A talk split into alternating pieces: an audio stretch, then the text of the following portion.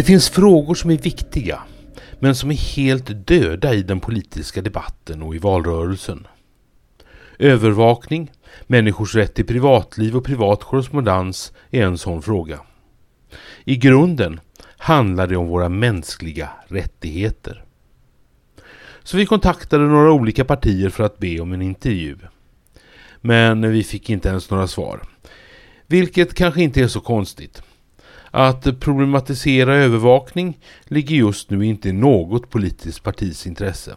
Snarare precis tvärtom. Plus att de vet från FRA-striden att frågan är jobbig och att den kan ha sprängkraft. Men vi låter oss inte stoppas. Därför begav vi oss till Stockholm och riksvalstugorna vid Sergels torg. Vi tog ett varv bland partierna, från vänster till höger. Det ska nämnas att Piratpartiets och FIs valstugor var obemannade. Och Kristdemokraterna ville inte vara med eftersom deras valstugearbetare ansåg att de inte kunde frågan, vilket man kanske får respektera. Genomgående så får jag en känsla av att partiernas valarbetare är medvetna om att övervakningsfrågorna off och online är problematiska. Men att partierna ändå inte bryr sig och istället fortsätter på vägen mot storebrorstaten. Först ut är Vänsterpartiet och eh, dess valstugearbetare Bengt Larsson. Nej, jag vet inte varför frågan har försvunnit. Det finns ju massa andra frågor som har försvunnit helt i, i, i eh, den politiska debatten. NATO-frågan är ju en annan sån som är borta. Övervakningsfrågan var ju rätt stor för ett antal år sedan. Ja, men man verkar vara rätt eh, överens politiskt. Eh, I alla fall i den eh, vet du, oppositionen, alltså den nuvarande oppositionen och S.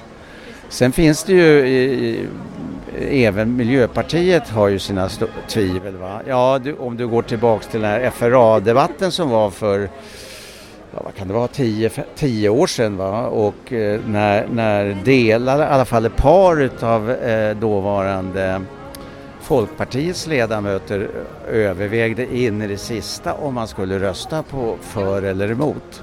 Sen vek man ju ner sig på sluttampen. Tror du att folk i allmänhet är intresserade av, av övervakningsfrågorna ur ett vad ska jag säga, människorättsperspektiv fortfarande eller, eller är folk för rädda? Jag tror inte de är för rädda men frågan har försvunnit och i och med det så försvinner den i diskussionen och då tror jag, nu tror jag bara att då, då blir man inte så engagerad i det. Sen är det ju vissa föreningar eller, eh, och ett antal personer som försöker få upp den på agendan men jag tror att det är jättesvårt. Då står vi vid eh, Miljöpartiets valstuga på mm. Sergels torg. Vad heter du? Jag heter Thomas Eriksson och jag är regionråd för Miljöpartiet. Eh, när det gäller eh, övervakningsfrågorna ja. eh, så var ju fram till inte för så väldigt länge sedan Miljöpartiet väldigt starka kritiker eh, mot, mot övervakningsstaten. Mm. Nu verkar ni ha övergivit eh, det helt och hållet. Hur kommer det sig? Jag tycker nog inte vi har övergivit tidigare ståndpunkter när det gäller övervakning och bevakning. Eh, däremot så måste man ju hela tiden anpassa eh, politiken efter det, eh, de, den värld som vi lever i. Ska vi ha mer eller mindre övervakning? Om vi ska ha mer eller mindre övervakning, vi behöver naturligtvis ha en, Generellt sett ska man naturligtvis svara att man, eller är det naturligtvis så att vi ska övervaka våra medborgare så lite som det behövs. Däremot så måste vi ju också värna varje medborgares säkerhet. Eh, så en viss form av övervakning kommer det alltid att behöva finnas för att se till att vi inte har individer som på olika sätt hotar vår säkerhet och vår demokrati.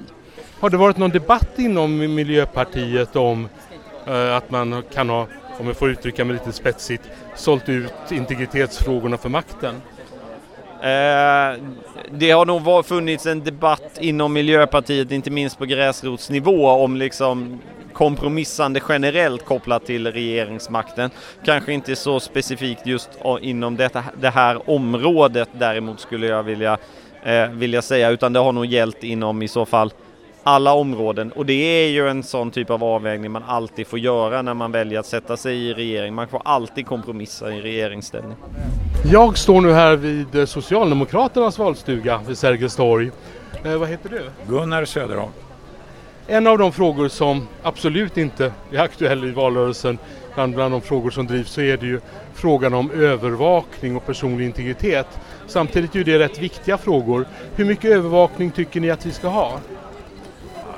Så jag tror att de, eh, det här är ju inte en stor fråga som diskuteras i partiet men jag tror att vi accepterar i allt större utsträckning eh, kameraövervakning där på platser där folk känner sig osäkra att gå. Och det handlar om tunnelbanan men det handlar också om gator, eh, gator och torg.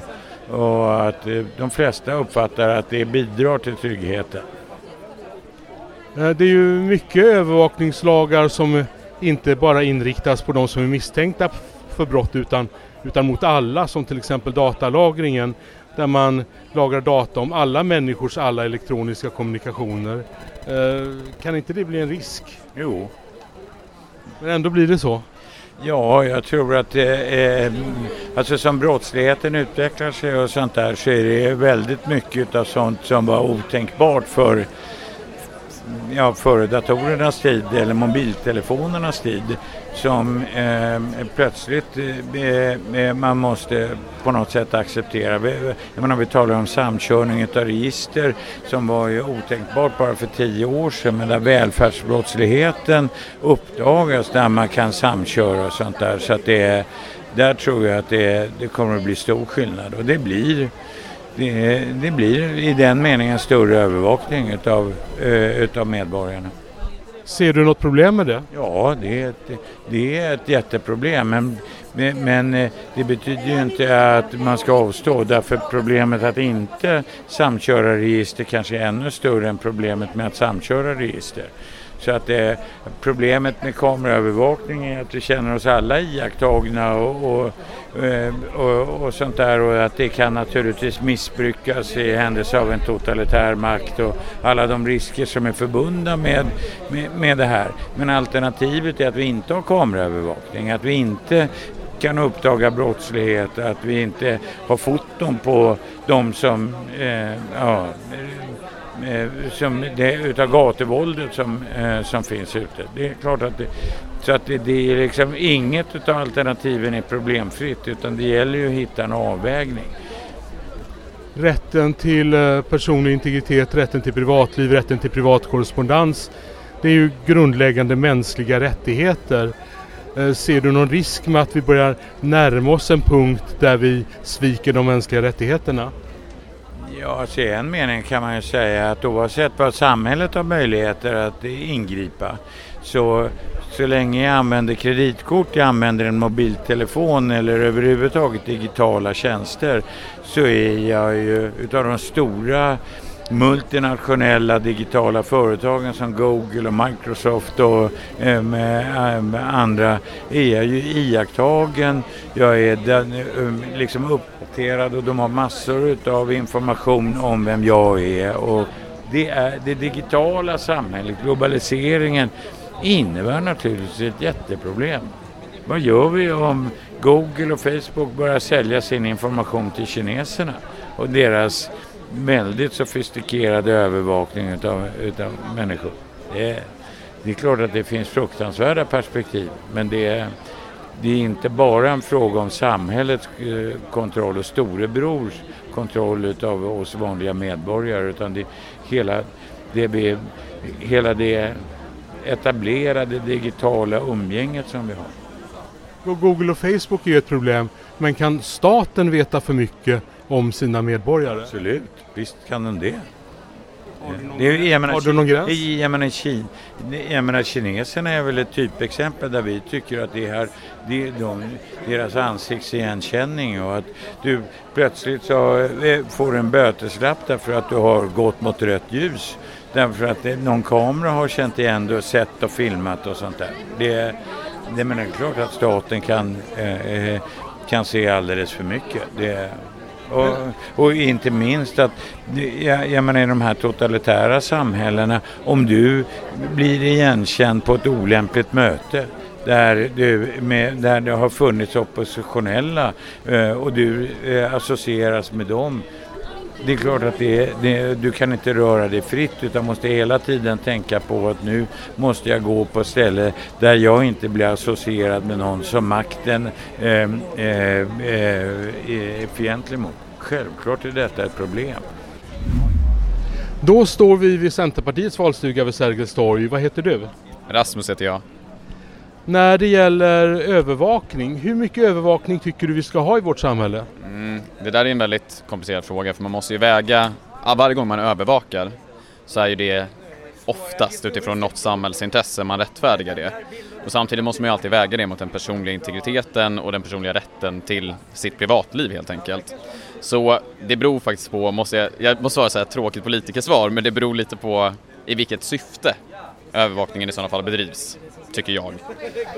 Övervakning idag, till exempel när det gäller datalagringen, den tenderar ju väldigt mycket att inte inriktas på de som är misstänkta för brott utan att övervaka alla i samhället oavsett om de är misstänkta för något brott eller inte. Vad tycker ni om det? Mm.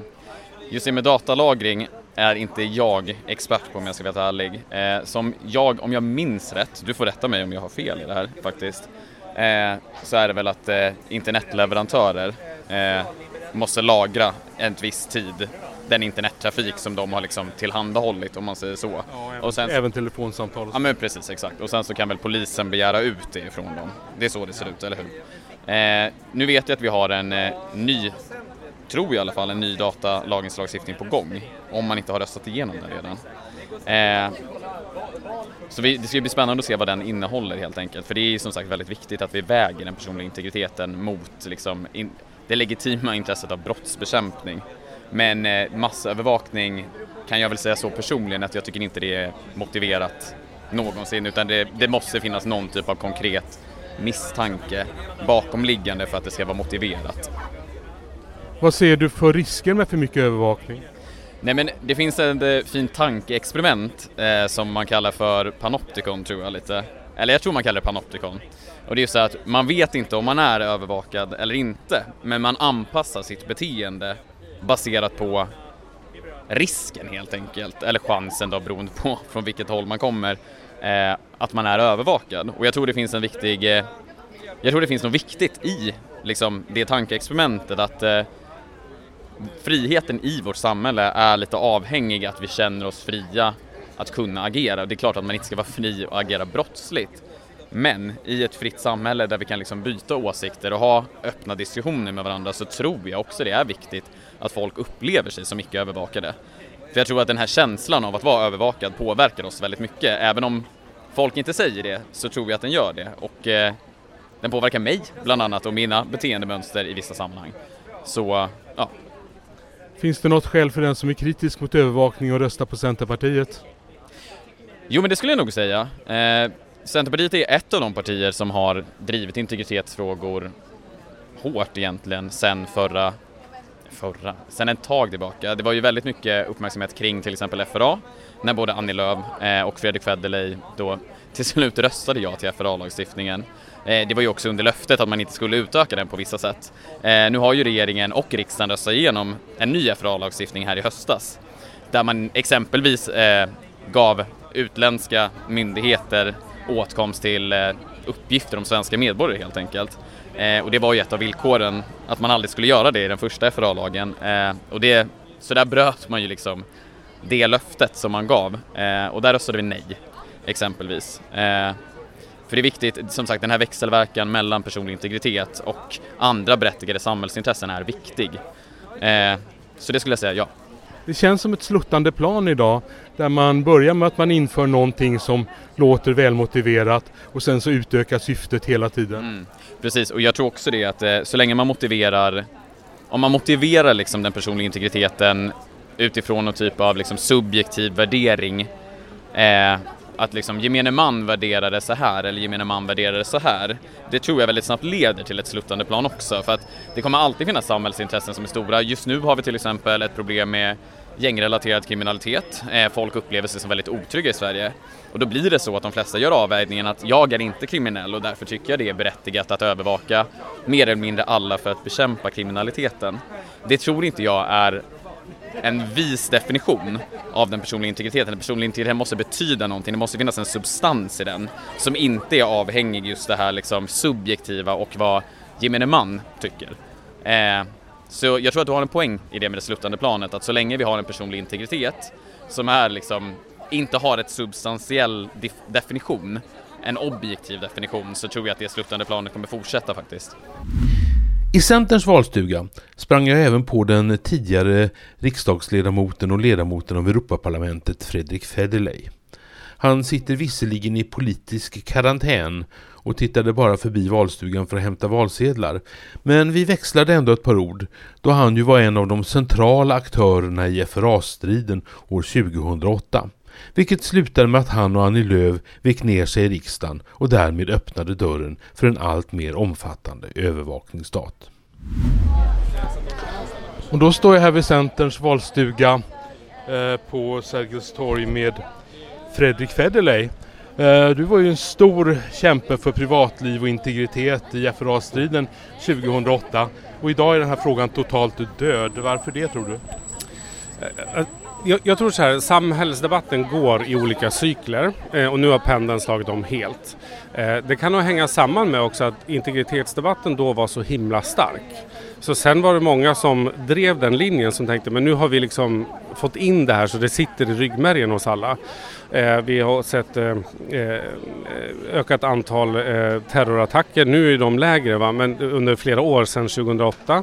Eh, vi ser kriminella gäng och så vidare och man vill ha hårdare tag mot detta av lätt insedda skäl. Men motvikten, eh, rättsprinciperna, de finns inte kvar i debatten. Det är helslagssida. Det hela faller ju tillbaks på, på frågan om mänskliga rättigheter och rätten till privatliv och privat korrespondens. Eh, har, har politikerna slutat tycka att sånt är viktigt?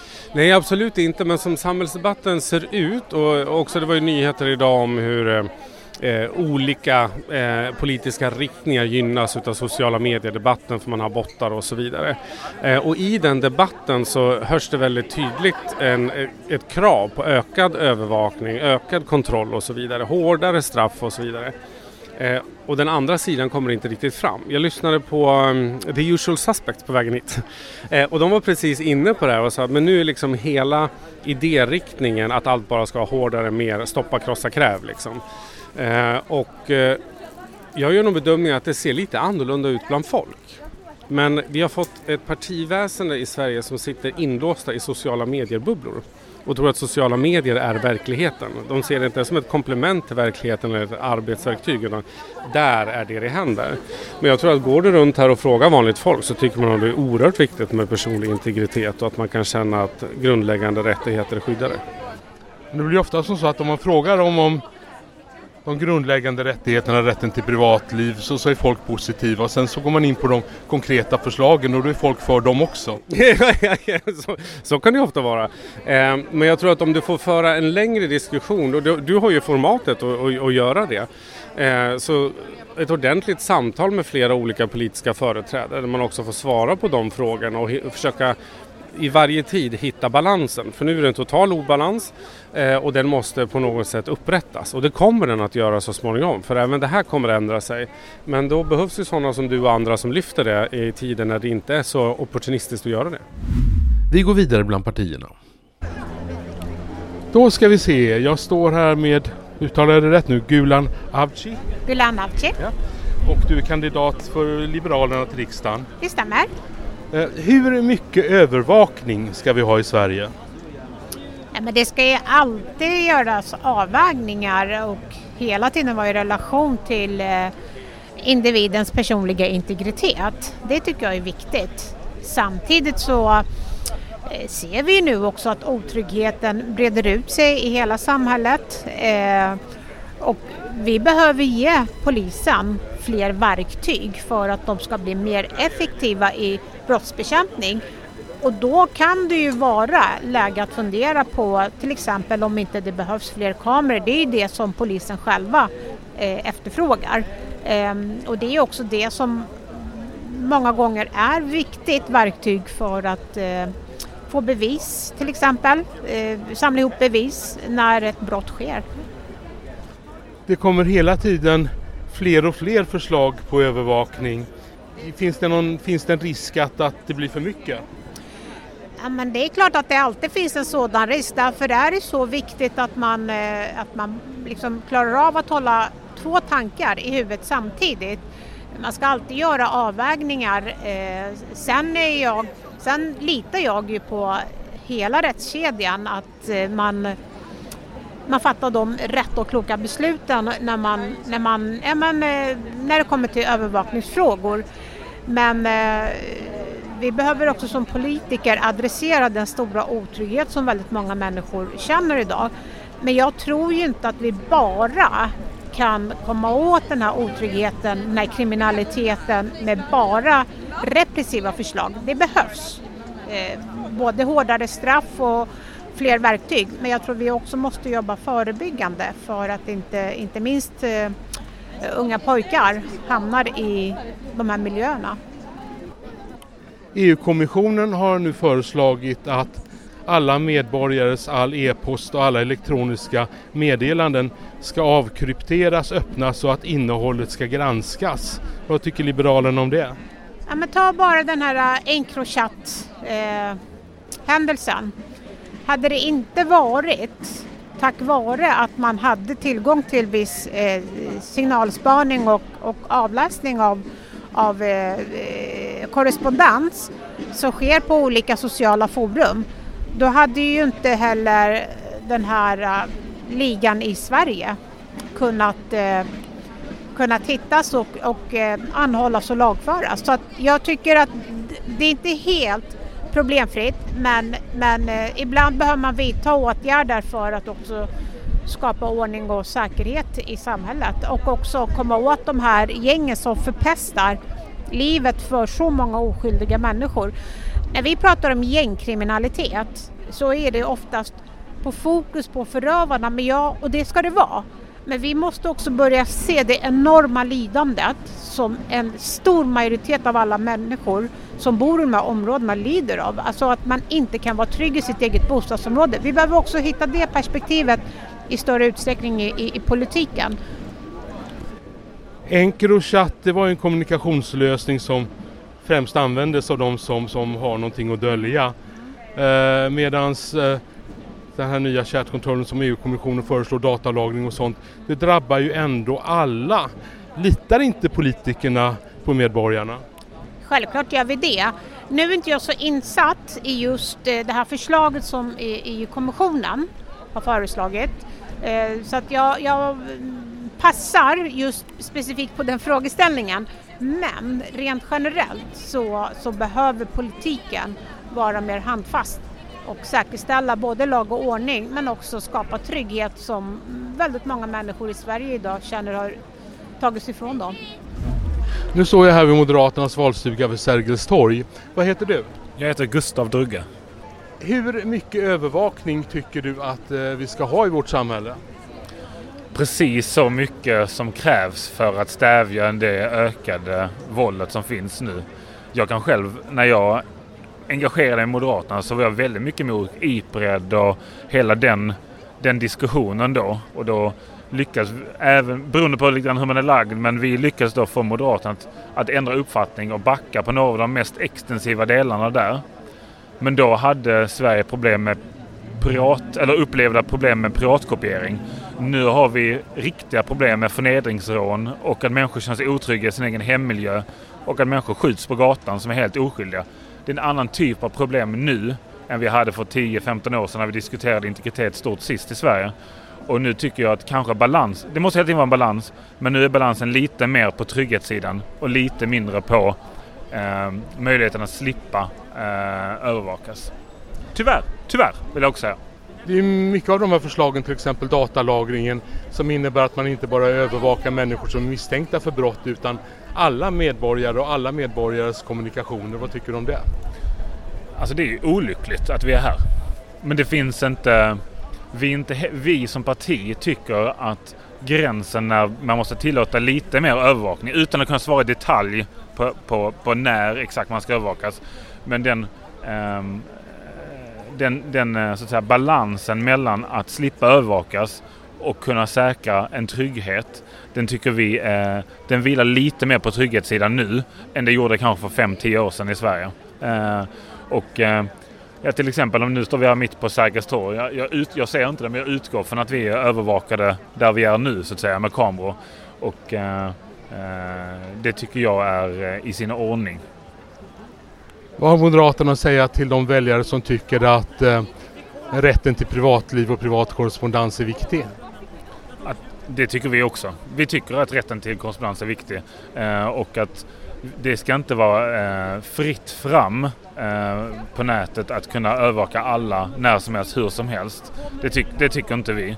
Eh, jag kan inte svara på detalj ifall vi har ett lagförslag nu som säger att man, att, eh, att man, att man eh, ska kunna övervaka oskyldiga. Men det, det, det, tycker inte jag i alla fall. Jag, jag, tycker inte det utan det behöver vara någon form av brottsmisstanke. Och, eh, och sen är det, det är en sak att leta efter vapen i källarlokaler i miljöer där man misstänker att vapen finns som kan användas till gängskjutningar.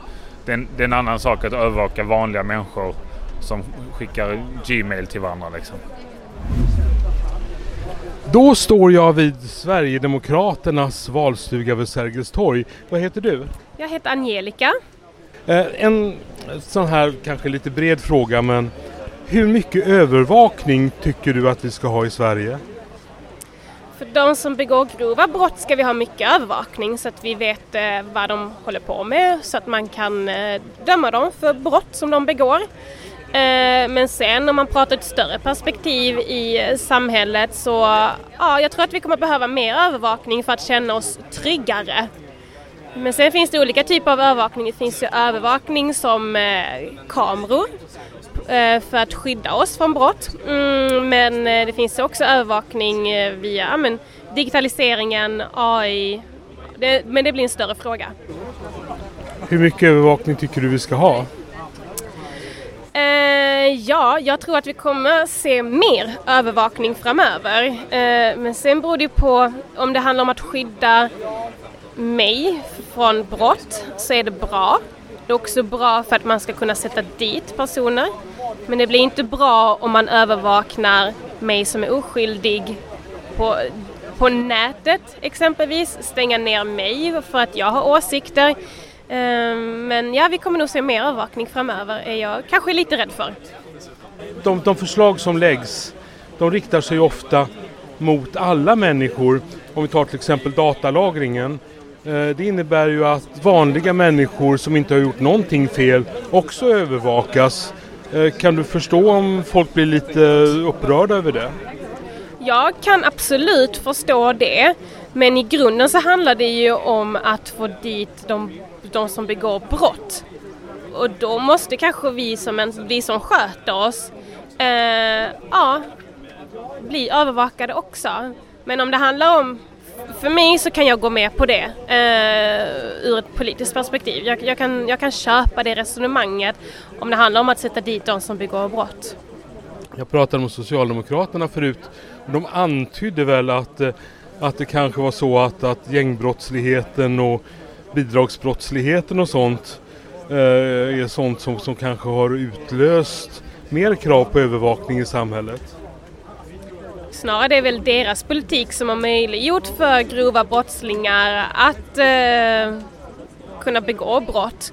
Det är ju inte den, de svenska myndigheterna som har knäckt gängen genom avlyssning. Delvis absolut, men den stora Encrochat, det var ju den franska polisen så det är väl bara dålig retorik ifrån Socialdemokraterna, återigen. Encrochat sköt ju in sig på folk som är misstänkta för brott. Medan till exempel datalagringen eh, lagrar information om alla människors kommunikationer. Inte det ett problem?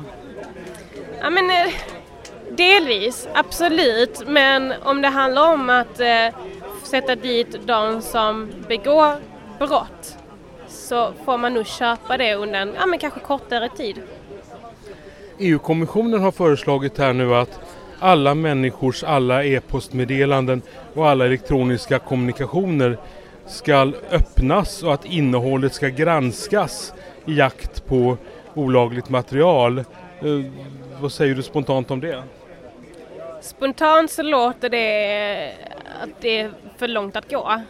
Alltså min privata mailadress och innehåll som eh, är oskyldigt kan jag lova. Eh, att det ska öppnas upp för gemene man, där, är, där går man för långt. Alltså skiljelinjen måste ju vara om det är någon som är, eh, begår grova brott eller är misstänkta för det. Där måste skiljelinjen gå, absolut. Sen kan det vara så att någon hamnar i ja, hamna där i skottlinjen men det får man kanske köpa för att återigen ta förövarna. Det där, det var ett varv bland valstugorna. Inga överraskningar där direkt.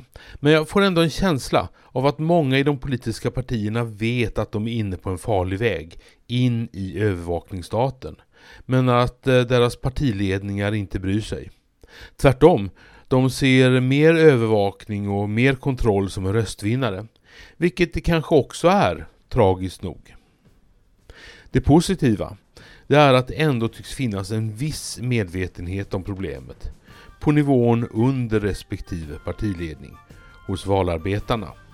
Sammanfattningsvis kan man väl säga att den som tycker att eh, individens rätt till privatliv och privat korrespondens är en viktig fråga, den har tyvärr inte så mycket att hämta i riksdagsvalet 2022.